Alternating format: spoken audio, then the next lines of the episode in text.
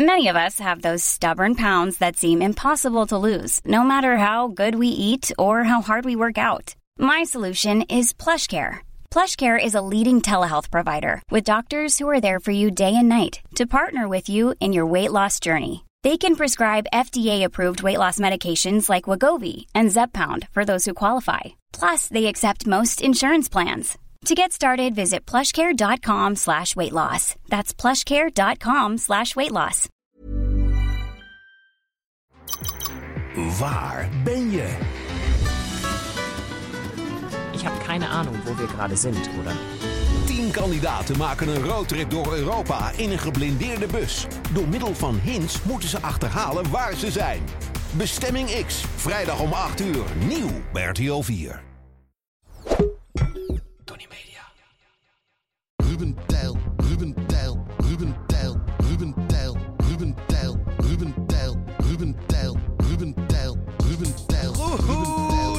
Goedemiddag, goedenavond, goedenacht, lieve, lieve luisteraar. En welkom bij Ruben, Ruben. de podcast. Nou, Goed begin. En welkom terug, voor mij met name.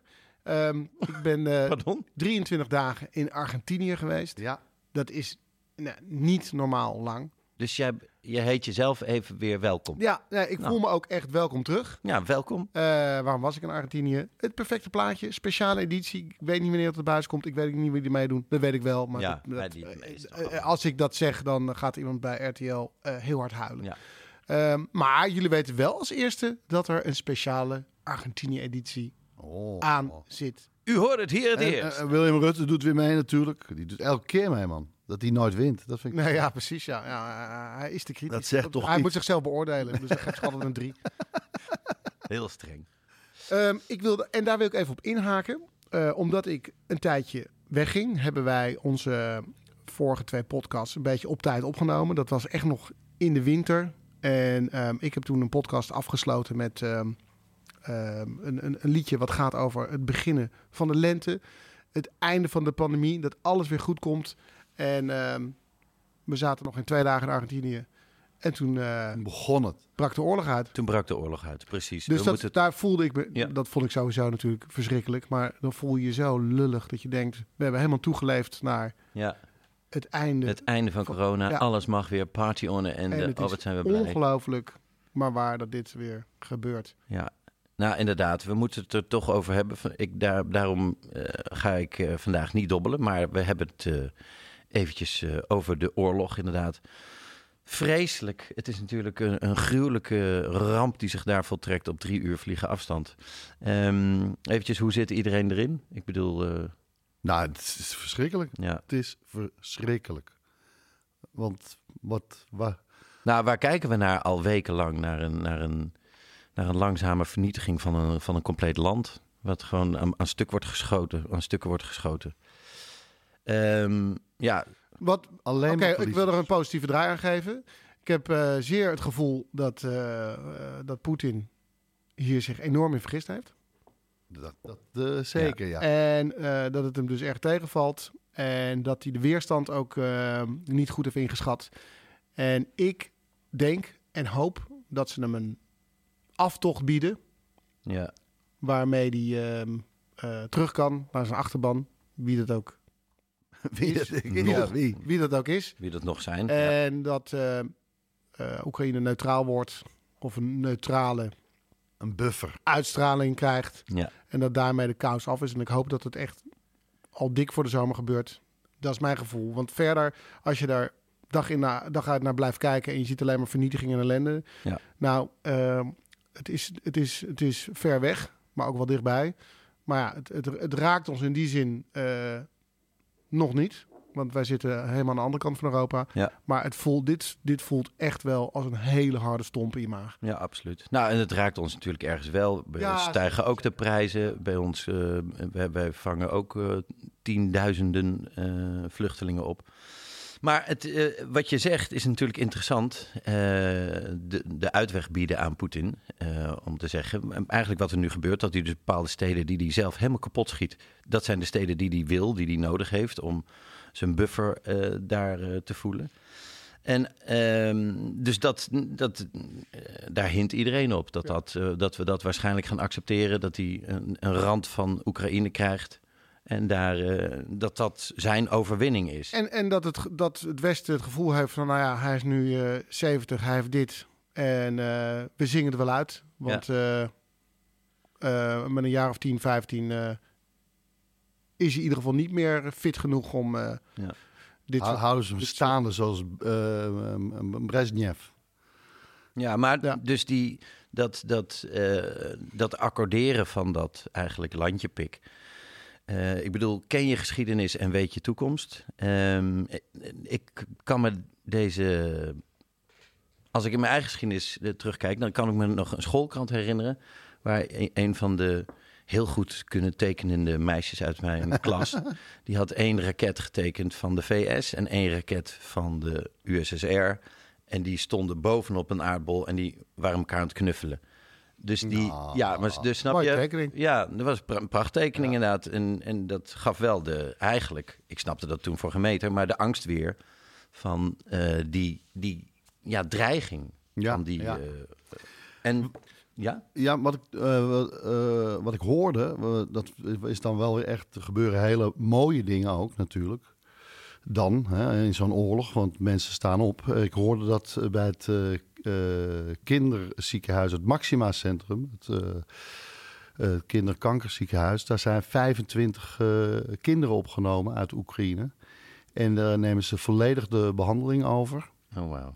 En eh, nou, ik weet niet hoe het eh, in Oekraïne eh, gesteld is met de ziekenzorg. Maar ik weet dat het Maxima Centrum echt het eh, top, Ja, top, top. crème, la of- crème van Europa. Ja, Dus eh, op, op een of andere gekke manier is het voor, voor deze kinderen eh, natuurlijk wel echt waanzinnig dat dit gewoon eh, doorgaat. En sterker nog, eh, alle ouders die zijn al ondergebracht daar eh, bij verschillende personeel. Die hebben zich al vrijwillig aangemeld. Mooi zeg. Ja, ja dat is toch ongelooflijk, hè? nou absoluut. Hoe de mens in crisis eigenlijk eh, het grootste mens is. We, mm, zonder te dobbelen. Dus we beginnen een soort van Ja, bij deze. Ja. Ja. Ja, precies. Neem ik kwalijk. Ja, Dat, dat bedoel ik te zeggen. Dat ik inderdaad niet ging dobbelen, maar dat ik het eh, hierover wou hebben. En naar aanleiding van eh, de geschiedenis. En eh, daarom heb ik hier een boek, Toespraken die de wereld veranderden. Het, zijn, het is een boek waarin geput wordt uit 50 toespraken die er toe hebben gedaan in, in de geschiedenis. En als je dan ziet hoe dus een stuk van eh, Oekraïne nu eh, wordt geconfiskeerd door Rusland en je eh, kijkt in de nabije geschiedenis, dan zie je dat Duitsland natuurlijk in 38 een stuk van het Tsjechische Sudetenland annexeerde. Daar waren ze in Sudetenland overigens zeer tevreden Ja, over. Die ja, stonden ja, te nee. vlaggen, of, met alle vlaggen te zwaaien. Ehm, maar daar volgde dus een, de zogenaamde appeasement-politiek vanuit Engeland. En dat was de toenmalige premier Neville Chamberlain. En hij zei: Wij, de Duitse Führer en de Britse premier, hebben vandaag opnieuw besprekingen gevoerd en zijn het eens geworden over de erkenning dat de Brits-Duitse betrekkingen voor onze twee landen en voor Europa van het grootste belang zijn.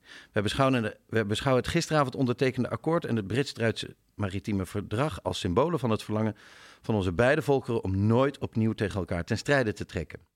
Hij gaat dus akkoord dat eh, Hitler eh Sudetenland pakt en eh, komt dus terug helemaal trots en zegt daarna nog voor de deur van Downing Street. Goede vrienden, voor de tweede maal in onze geschiedenis keert een Britse premier uit Duitsland terug met een eerzame vrede. Naar mijn mening hebben we daarmee vrede in onze tijd bereikt. Ga naar huis en slaap vredig. Dit is twee jaar voor het begin van de Tweede Wereldoorlog. Ehm, Dat was niet de toespraak die alles veranderde. nee, nee, nee, die eigenlijk alles onderschatten. Ja, Absoluut, Ja. absoluut. Ehm, maken we eventjes een, eh, een sprongetje in de wedstrijd. En dan komen we bij J. Robert Oppenheimer. Dat was de Amerikaanse natuurkundige die het laboratorium aan het leiden was... waar de eerste atoombommen zijn gebouwd. Die eerste atoombom die wordt op 16 juni 1945 in Alamogordo, New, eh, New Mexico, tot ontploffing gebracht. Ehm, Oppenheimer beschreef een paar jaar later zijn reactie. We wisten dat de wereld hiermee voorgoed veranderde. Een paar mensen lachten, een paar mensen huilden, de meeste zwegen. Ik moest aan een regel uit het Hindoeïstische geschrift Bhagavad Gita denken. Komt-ie. Nu ben ik de dood geworden, de vernietiger van werelden. President Truman gaf opdracht zo snel mogelijk een bom op Japan te laten vallen om een einde aan de oorlog te maken. De eerste viel op 6 augustus 1945 op Hiroshima, de tweede drie dagen later op Nagasaki. De verwoesting was veel vollediger dan verwacht. Japan capituleerde op 14 augustus 1945. Ehm, en dan de ontvangende partij heeft natuurlijk ook gespeecht in die tijd. En dan kom je bij de speech van keizer Hirohito. Ja, eh, ik, je bent heel lekker bezig en heel goed bezig. Dat was de eerste keer dat het Japanse volk de stem van hun keizer hoorde. Ja. Ja. ja. Nee, zo, zo heilig was hij. En, Gewoon nog en dat nooit. gaf extra lading aan wat hij ging zeggen. Het was namelijk zo belangrijk Ja. dat zijn stem gehoord moest worden. Absoluut. En zijn ehm, gekozen naam was ook Showa, eh, Showa, wat eh, verlichte vrede betekende. En hij was de hele tijd op zoek naar vrede. Hij probeerde maar de vrede te bewaren. En eh, ze zijn dan toch natuurlijk de oorlog in eh, gegaan. En Gezogen. wij hebben Amerika en Groot-Brittannië de oorlog verklaard vanuit het oprechte verlangen naar het Japanse zelfbehoud en de stabiliteit in Oost-Azië. Maar het zij verre van ons om de soevereiniteit van andere landen aan te tasten of ons grondgebied uit te breiden. Dat is ook al gelijk een, eh, een, waarin hij toegeeft dat ze, dat ze mishaten. De oorlog heeft nu bijna vier jaar geduurd. Iedereen heeft zich volledig ingezet. Ons leger en onze marine hebben dapper gevochten. De staatsdienaren hebben onverdroten en onvermoeibaar gewerkt en onze 100 miljoen onderdanen hebben zich dienstvaardig betoond. Maar de oorlogssituatie heeft zich voor Japan niet per se gunstig ontwikkeld. En in het algemeen heeft de hele wereld zich tegen onze belangen gekeerd. De vijand is bovendien, dit, eh, deze zin is wel eh, vrij heftig. De vijand is bovendien een nieuwe en bijzonder vrede bom met een onberekenbare vernietigingskracht gaan gebruiken. Talloze onschuldigen hebben het leven verloren. Als we onze strijd voortzetten, zou dat leiden tot de uiteindelijke instorting en vernietiging van de Japanse natie en bovendien tot de verdwijning en de uitroeiing van de menselijke beschaving. Hoe moeten wij in deze omstandigheden onze miljoenen onderdanen redden en tegelijkertijd boete doen tegenover de vereerde geesten van onze keizerlijke voorouders? Om die reden hebben wij bevolen om de termen in de gezamenlijke verklaring van de grootmachten te aanvaarden. Bij die eerste bom gingen er tussen de 70 en de 100.000 mensen dood, bij die tweede ook. Uiteindelijk zegt MacArthur, generaal MacArthur, het nog het best. Bij zijn reden voor.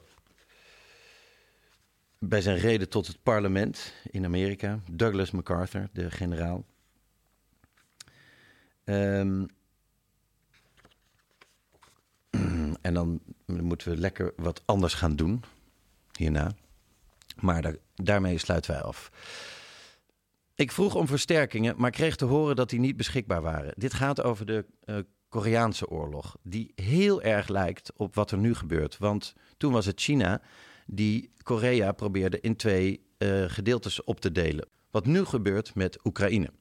Ehm, en hier zijn ook mensen die vragen om versterkingen. Nou, daar zegt Douglas MacArthur over zijn eh, bijdrage aan de Koreaanse oorlog. Ik vroeg om versterkingen, maar kreeg te horen dat die niet beschikbaar waren. Ik maakte duidelijk dat de positie van de bevelhebber de overwinning militair gezien onmogelijk maakte zonder toestemming om de vijandelijke basis ten noorden van de Yalu te vernietigen.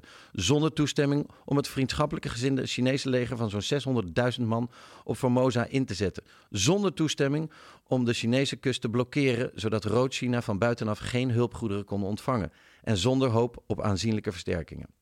Er zijn pogingen gedaan om mijn standpunten te verdraaien. Men heeft mij zelfs een oorlogophitser genoemd. Niets is verder van de waarheid. Ik ken de oorlog zoals weinig anderen die kennen. En niets stuit me erger tegen de borst. Ik bepleit al sinds heel lang de volledige afschaffing ervan. Want oorlog vernietigt zowel vriend als vijand en is nutteloos geworden als middel om internationale geschillen op te lossen. Sommigen willen om allerlei redenen concessies doen aan Rood-China. Zij zijn blind voor de duidelijke lessen van de geschiedenis. Want de geschiedenis maakt zonneklaar dat concessies alleen maar tot nieuwe en nog bloediger oorlogen leiden. Ik heb zojuist uw geuniformeerde zonen op het Koreaanse slagveld achtergelaten. Ze hebben alle beproevingen doorstaan. En ik kan nu zonder voorbehoud melden dat ze in elk opzicht uitmuntend zijn. Was getekend Douglas MacArthur. Ja, veel parallellen te trekken. Eh, ze wisten het toen al, we weten het nu ook al. Het heeft alleen maar verliezers. Toespraken van Napoleon Bonaparte, Abraham Lincoln, Mohandas Gandhi, Franklin Roosevelt, George S. Patton.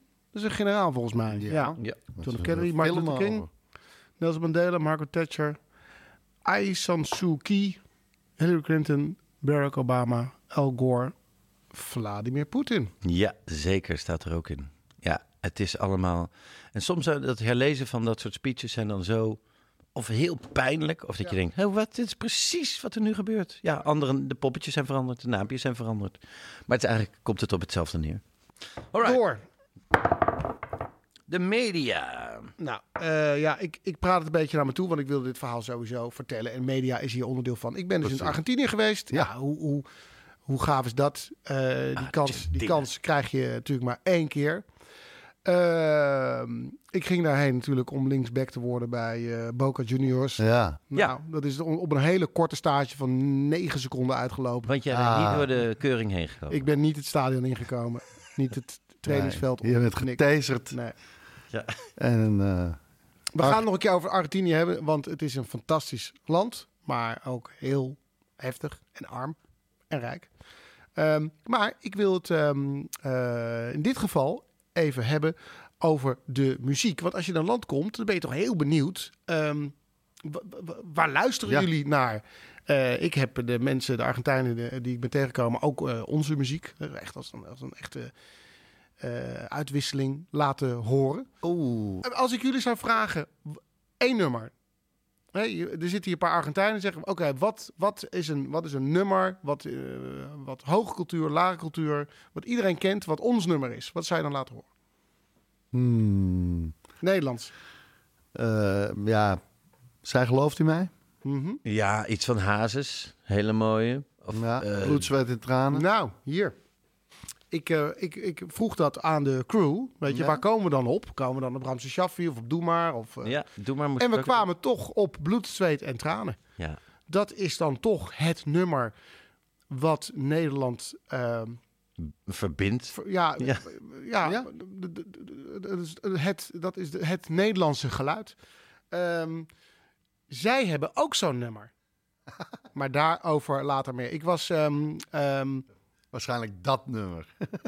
bloed, zweet en tranen. nou ja, Nee, nee die. Hazes die eh, vertaalde gewoon heel veel. eh, Ja, nee, het zou, inderdaad, ja, dat zou heel grappig zijn. Is niet zo, dus ik spoiler niks. Sangre, transpiración. y eh, dit is, dit is voor vers. lacrima. Denk ik. Op een vrije ochtend eh, besloot ik een museum op te zoeken. En Ja. eh, dat deed ik eh, random, want je hebt geen idee. En ik kwam in het Nationaal Museum terecht.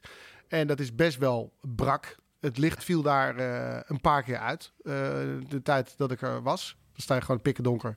En dan eh, gaat hij met een zaklamp. En je merkte aan de rest om je heen dat, dat het het niet... heel normaal was. Ja, precies.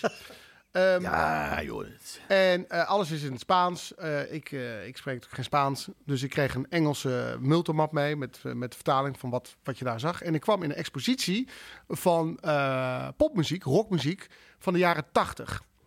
En ehm, dat is een enorme explosie geweest. Het heet Rock an Español. En dat komt uit Argentinië en dat is de he het hele continent overgegaan. Dat is eh, naar Colombia, Chili, Peru. Die zijn allemaal in het, in het Spaans gaan zingen. Want dat was tot de jaren 70 helemaal eh, niet normaal, een continent. Na de Tweede Wereldoorlog is rock and roll overal ter wereld gekomen. Ook in Zuid-Amerika. En ze hebben eigenlijk eh, tientallen, tientallen jaren lang ehm, Amerikaanse bandjes geïmiteerd. Ja, precies. Precies. Dat is wat ze deden. Fonetisch Engels. Precies. Ehm, maar de expositie ging over de explosie die in de jaren 80 ontstond. En daar zit een bijzonder verhaal aan vast, aan vast. Want daarvoor moeten we eerst terug naar 1592. Ehm, toen werden de Falkland-eilanden, En dat is een groepje eilanden wat eh, bij Argentinië ligt. Ontdekt door de Engelsen. Ehm, en eh, dat werd eh, de archipel Falklands genoemd. Naar de toenmalige schatbewaarder van de marine. En nou, die Engelsen zeiden dat is van ons. En de Argentijnen hebben daar een levenslange claim op gehouden. Ja, En terecht. het ligt toch iets dichterbij. Nee, ja, precies. Als je het zo bekijkt. Het is niet, Nee. Het is niet zoals wij TV'tas, eh Nee. Texel, Vlieland, Terschelling. Terschelling, Ameland, Schiermonnikoog. Falklands. Dat zou gek zijn. Oké. We gaan van ehm, ehm, 1592 naar 1976. 24 maart. De democratie in Argentinië wordt omvergeworpen. Muziek is aan het bloeien, is aan het eh, ontwikkelen. Eh, maar er komt een, ehm, eh, een politiestaat. Dat is ja, een, hele eh, eh, zwarte eh, periode in, eh, in de geschiedenis van eh, Argentinië. Het is misschien wel de donkerste periode. Vol repressie, angst, vermiste burgers. Ehm, en die Argentijnse rock die was geen sinds immuun eh, voor het eh, militaire optreden. En ehm, zou de ergste periode van censuur ehm, ondergaan. Eh, rock wer- werd door die, eh, die junta als eh, subversief beschouwd. Ehm, ehm, en die begonnen dus muziek ook in te perken. En in een toespraak in 1976, dus het jaar waarin de politiestaat eh, begint, hekelde admiraal Emilio Massara rockmuzikanten en fans als potentiële subversieve elementen. En de repressie eh, van al die mensen begon in 77. En voor het einde van het decennium, voor het einde van de jaren 70, was rock steeds meer ondergronds gegaan. Rock Nationaal, zoals het heet. eh, die vermeed de zware mediacensuur van de regering. En, ehm, en bood de mensen een uitlaatklep voor ehm, ja, gecodificeerde kritiek op de regering. Van 1977 gaan we naar 1982, 2 april. Het gaat slecht met die regering, met die junta. Ze zijn niet populair, economie zit in een enorm verval. Dus wat denken zij, wat slim is, eh, goed voor de promotie van onze regering, we gaan die Falkland-eilanden terugpakken. Dus, eh, nou, ze vallen in. Bam. Maar Thatcher, Margaret Thatcher, Ja. eh, die ook in jouw boek eh, staat met haar speech, die eh, zat ook in een mindere periode met haar regering. En eh, die komt met echt groot materieel. Ja. Ja. En binnen een paar eh, weken, maar misschien twee maanden, is die oorlog beslecht. Ehm, dat maakt Thatcher enorm populair in Engeland. Zij wint daarmee haar eh, herverkiezing. ja. Dire Straits. Dire Straits maken daar een nummer over. Brothers in Arms. Brothers in Arms. Dat is een uh, Falkland-oorlog. eh. Ehm, en in Argentinië eh, is de teleurstelling natuurlijk groot. En de, en de woede tegen de regering nog groter. Want niet alleen gaat het economisch slecht. Is er censuur, is er repressie. Maar er is ook nog een, een eh, verloren oorlog. Maar wat doet de regering? En dit is natuurlijk een hele grappige culturele samenloop van omstandigheden. Die verbiedt Engelstalige muziek op de radio. Bam. Haha. Dus er komt een enorme golf van eh, Spaanstalige muziek. Niet veel later, eh, in 1982, eh, eind 82, valt eh, het regime. De democratie keert terug. En dan zijn die bands die vijf jaar lang underground zijn gegaan, ehm, eh, klaar voor de lente. Om op te gaan treden.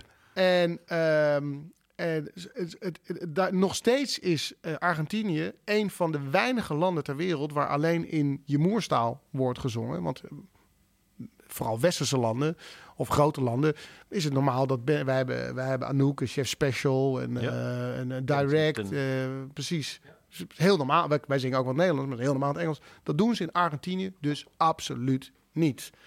En eh, het heeft dus de ogen geopend van omringende landen, zoals Chili, zei ik al, Peru, Ja. eh, Brazilië, om, Venezuela. om in je eigen taal te zingen. Maar daarom is, is die, is die, die eh Espanol rock zo groot geworden. En ik wist helemaal niet, en dat weet ik door die eh, expositie, dat het een enorm begrip is wereldwijd. Ja. Dus eh, met die informatie in mijn achterzak wilde ik toch weten, wat is nou precies jullie nummer? En dat is geen eh, rock aan Espanol. Het is, het is iets anders. Ehm, wij hebben dus Bloed, Zweet en Traan laten horen. Toen zeiden zij gelijk, oh, tango. Ja, Wat het begin het Ja. accordeon. Oh, tango, jullie luisteren onze muziek. Dat is jullie.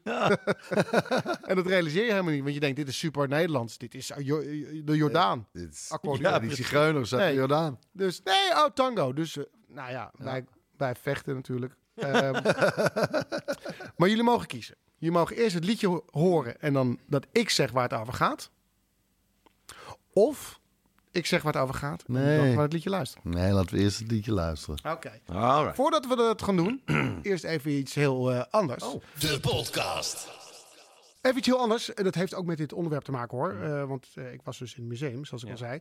Ehm, weten jullie dat we gesponsord worden door de Nationale Museumweek? Hartstikke idee. Wat leuk. Ik ben gek op de Nationale Museum. En wat chic ook. Ja. Nou, dat dacht ik al. En omdat jullie eh, blijkbaar zoveel met dit onderwerp hebben, heb ik een quiz voorbereid.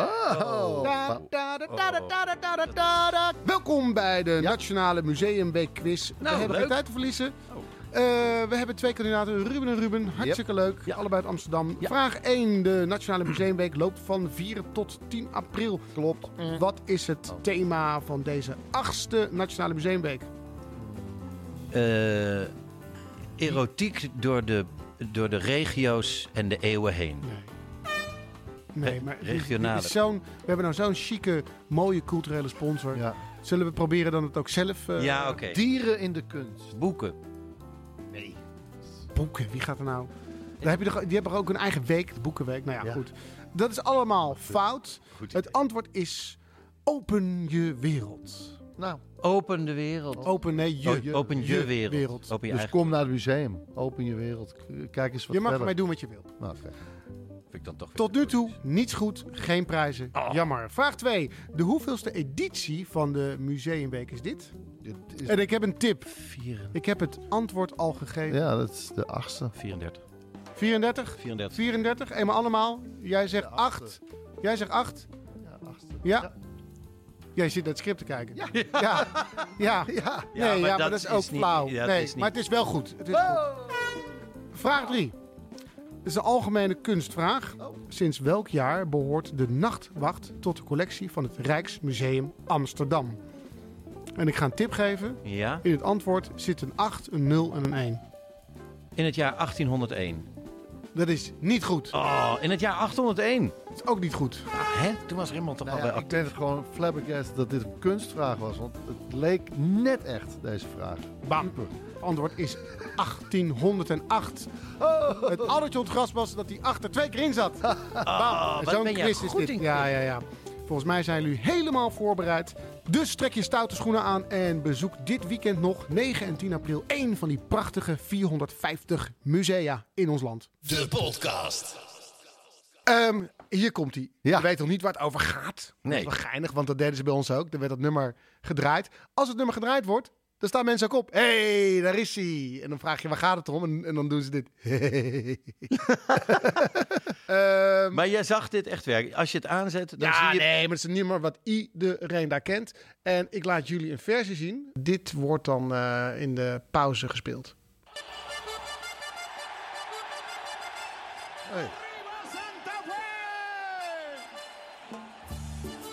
Hij lijkt een klein, heel klein beetje op Hazes. Ja, maar ik Oh, vind een het, heel klein beetje. Weet je, eh, wat het leuk is, je ziet ook dat iedereen dit nummer kent. En het is een best oud nummer.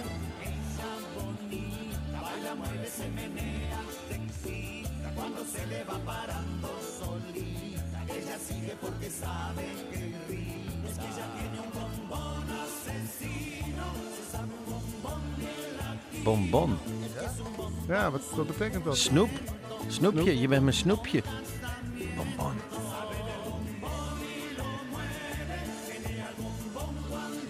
Een lekker... Een, een stoomtreintje wat op gang komt.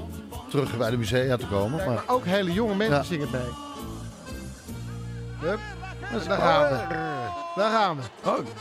Hey. Hé, hey, zie je? Het was Ja. een stoomtreintje. Daar gaan we. Hij is nu op gang. Kijk dan.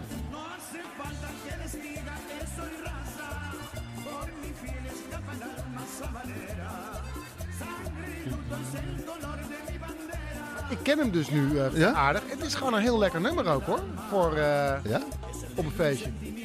Ja. Ja, ik kreeg gelijk ontroerd. Nou ja, gewoon aan het huilen. Omdat ze live daar spelen.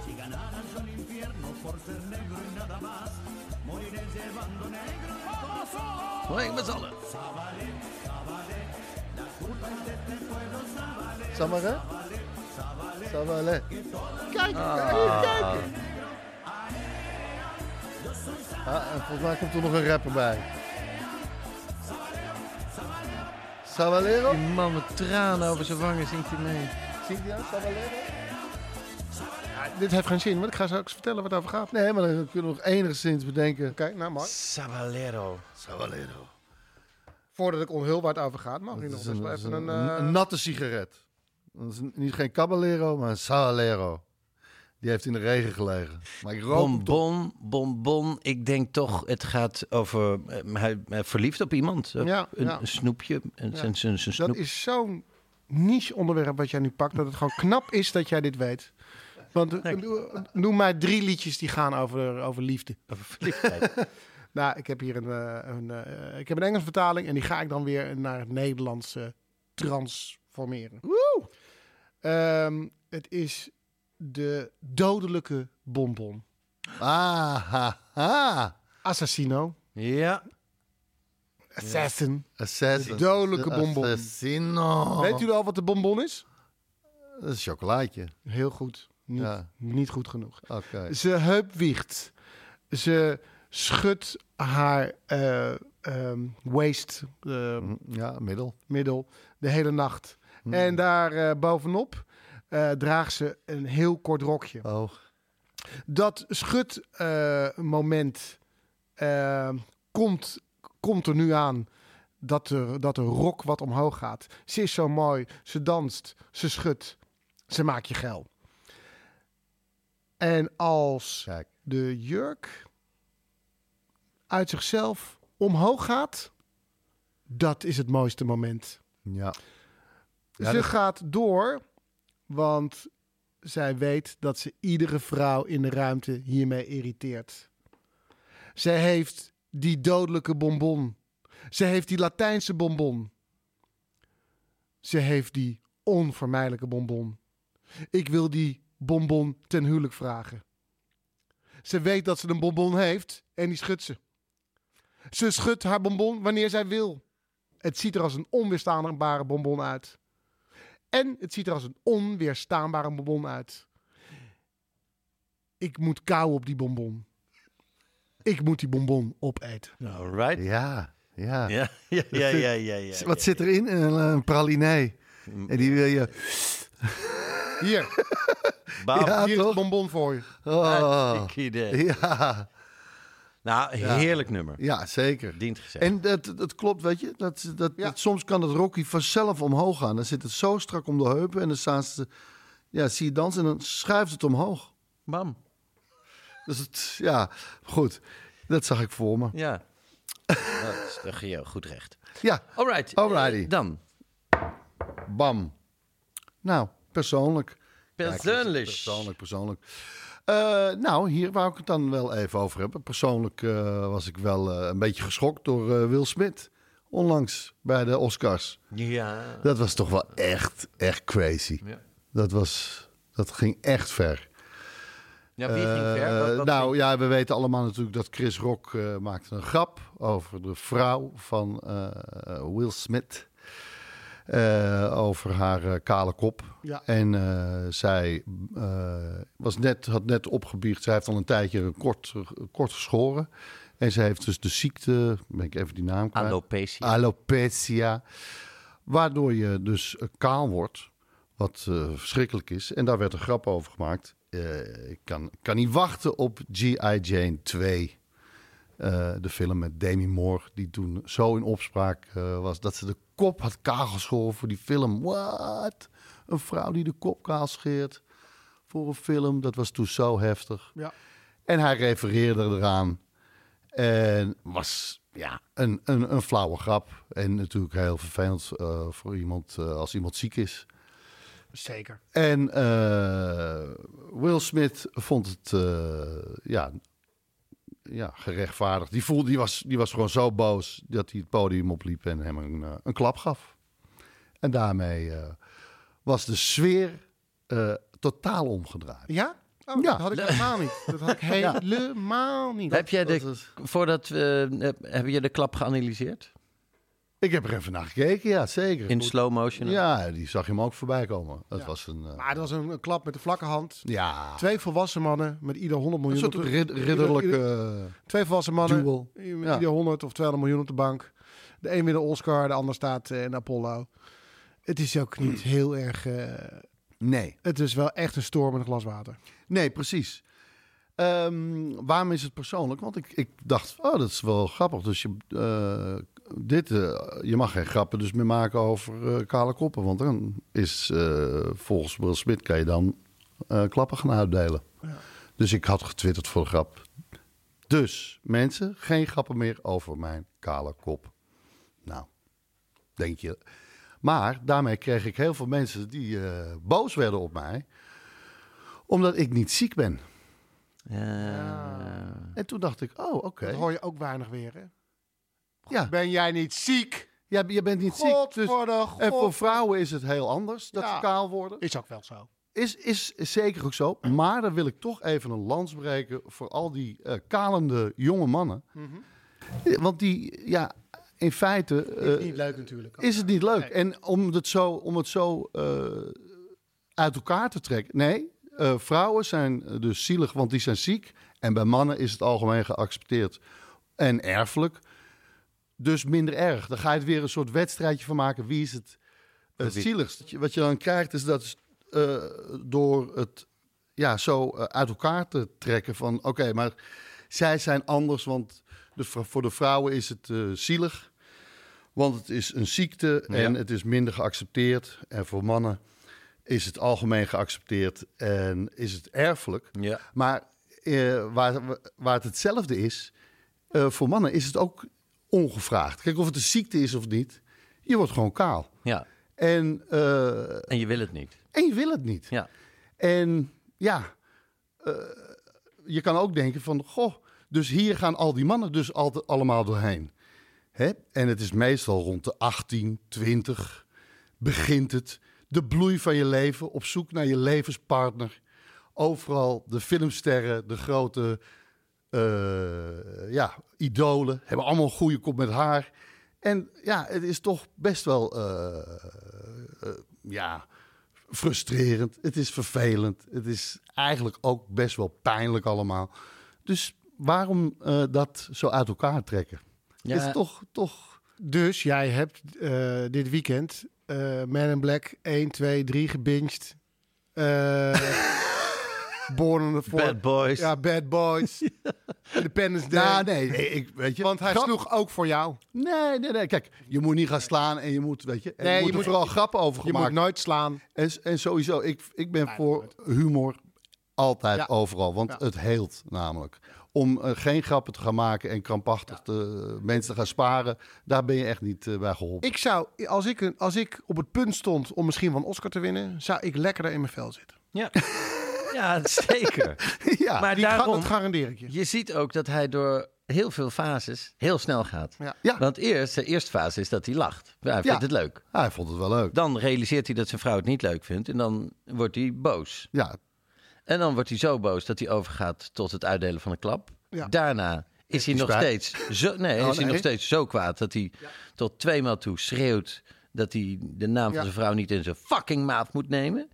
Twee keer gillend. Je echt wel weet als Amerikaanse acteur dat het woord fucking uitspreken op, tijdens een televisie-evenement Daar, niet zijn gaat ze, daar zijn ze bij de Oscars er al uit, hè? Ja, precies. Ja, hoor. Nee, die zijn, dus, die zijn op eh, zwart gegaan. Ja. Ja. Ja. Ja.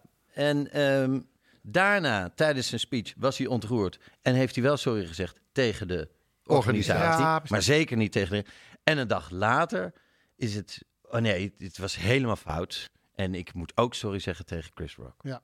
Ja het is... eh, Ik wil er eigenlijk niet, over, niet, eigenlijk ook niet over beginnen, maar jij bracht het onderwerp op. Ik heb geappt. ja, maar jullie hebben gewoon een hele, eh, heerlijke kop met haar. Dus het, het, het, het gaat jullie minder aan. Ik heb met Will Smith geappt. Jij bent met Will Smith Ja, geappt? maar dat was makkelijker voor mij, want het, door het tijdsverschil. Dus toen het feest begon, was ik net wakker. Dus ik heb wel gezegd, hey bro, niet slim. Bro? Oké. Ja, ik weet niet. Oh, Mag dat niet? Ja, nee, zeker. Maar Niet grappig. slim. Hij zegt, ja, ik, weet ik, eh, niet handig. Ik zei wat slimmer was geweest. Maar dat is... Ik lees de, de koe in de kont kijken. Yes. Dat begreep hij niet. Nee. Eh, maar goed, Nee. eh het slim was Nou, geweest. heb je wel Het geprobeerd. podium, podium opgaan en iets heel funny. Heel snedigs. Ja, Naast hem gaan staan en weer gaan zitten. Dan was het legendarisch geweest. Hij zegt, I know. ja. Eh, ik zeg, ben je blij met je Oscar? Eh, hij zegt, ja. Zat hij naast Tom of zo? Heb je de film... Daar ga ik niet op in. Heb je de film gezien? Je Zegt hij. Ik zeg, ik heb, eh, ik heb de film nog niet gezien. eh, maar hij staat, ik heb eh, Apple Plus. Daar staat hij op. Ze gaan hem snel zien. Ah, Oké. Take care. Ehm, hij zegt, Jada says dat, hi. dat moet ik overslaan, dat moet ik overslaan. overslaan. Oké. Ehm, maar ik zeg, het, was, het is wel super stom. Dat was de strekking. En hij zegt, je hebt, je hebt gelijk. Eh, dus dat vind ik nog wel even belangrijk om eh, vermeld te hebben. En zo is het dus voor een kaal iemand. Je wordt nooit serieus genomen. Nee, dat is het. Dit is het. Het wordt Ik mag- nooit serieus genomen. Nou ja. Ik, zit, ik probeer nog even een langs te breken voor die jonge knapen die nu kaal worden thuis. En Ja. met die tussenfase. Want het duurt vijf jaar en dan heb je een soort stro. En het is verschrikkelijk. Joh, ik heb een minuutje iets te kunnen zeggen. En het, ja... Ah, flikker op. En dat is het hem. Mannen moeten gewoon lekker opflikkeren met hun kale koppen. Eh, want het is algemeen geaccepteerd. Maar vrouwen, dat is zielig. Ja. Ja. Ah. Prachtige final thought. ja. Nee, maar we- weet je, we moeten samenkomen. Ze kunnen nog heel veel, als, als ze dat krijgen, kom, kom, kom naar mij. Ik, ik weet alle stadia waar u heen gaat. En op een gegeven moment um, leer je het accepteren. En dan word je een beter gezellig. Weet je wat ik ook zo stom vind aan het kaal worden van jou? Nou, Dat het, dat het dus op een gegeven moment aan de zijkant stopt. Word dan, Ja. hele- dan denk ik, word dan helemaal kaal. ja, Want nee, dan maar heb je er is- nog wat aan. Maar Maar dat is toch... Nee, is maar een dat soort is- onaf kaal worden. Ja, maar dat is het hem. Het is één grote kale plek. Ja. Maar dan opeens... Daar is weer heel dik Hey! Dan kan je Als- heel dik haken. Als ik het laat groeien, jongen. Laten we hier zo meteen even over verder gaan, eh, lieve luisteraars. Wij zijn eh, voor nu door de tijd heen, maar gaan zo meteen verder met de backstage. En daar hebben we het over eh, verder, over de gezondheid van ons. En Ja. over. eh, Oh, het, is, het is niet gezien. Het is. Het is toch erfelijk? Het is toch geen ziekte? Ik weet het niet. Ik weet gewoon niet wat- goed wat ik moet zeggen. Maar ik ga geen één film van Will Smith weer kijken. Uit, uit soli- solidariteit. nou, Voor dat- Chris Rock. Nee, met, met jou. Oh, oké. Dank, Ja. lieve luisteraars. Als u nog Behalve meer wil, nieuwe. Dan behalve gaat u naar petje.af slash Ruben Tel Ruben. En dan wordt u eh, lid van ons. En dan krijgt u voor 2 euro per maand twee extra podcasts per maand. En dat zijn dus die beruchte backstages. Waar wij zometeen de sombrero's, want zo heet onze vaste luisteraars, graag weder horen. En het is niet dat we je kaal plukken of zo, vind ik. Dank voor het luisteren. Ik durf hier niks meer op terug te zeggen. Weet je, je bent feisty. Je bent lekker, ja, ja met, gepassioneerd. Ja. Ja. ja. Dank lieve luisteraars voor dit moment. En wie weet tot straks bij de backstage. De podcast. Hey, it's Paige DeSorbo from Giggly Squad. High quality fashion without the price tag. Say hello to Quince. I'm snagging high-end essentials like cozy cashmere sweaters, sleek leather jackets, fine jewelry, and so much more. With Quince being 50 to 80% less than similar brands. And they partner with factories that prioritize safe, ethical, and responsible manufacturing. I love that. Luxury quality within reach. Go to quince.com slash style to get free shipping and 365 day returns on your next order. Quince.com slash style. Imagine the softest sheets you've ever felt. Now imagine them getting even softer over time. That's what you'll feel with Bowl and Branch's organic cotton sheets. In a recent customer survey, 96% replied that Bowl and Branch sheets get softer with every wash. Start getting your best night's sleep in these sheets that get softer and softer for years to come. Try their sheets with a 30-night guarantee. Plus, get 15% off your first order at bowlandbranch.com. Code BUTTERY. Exclusions apply. See site for details.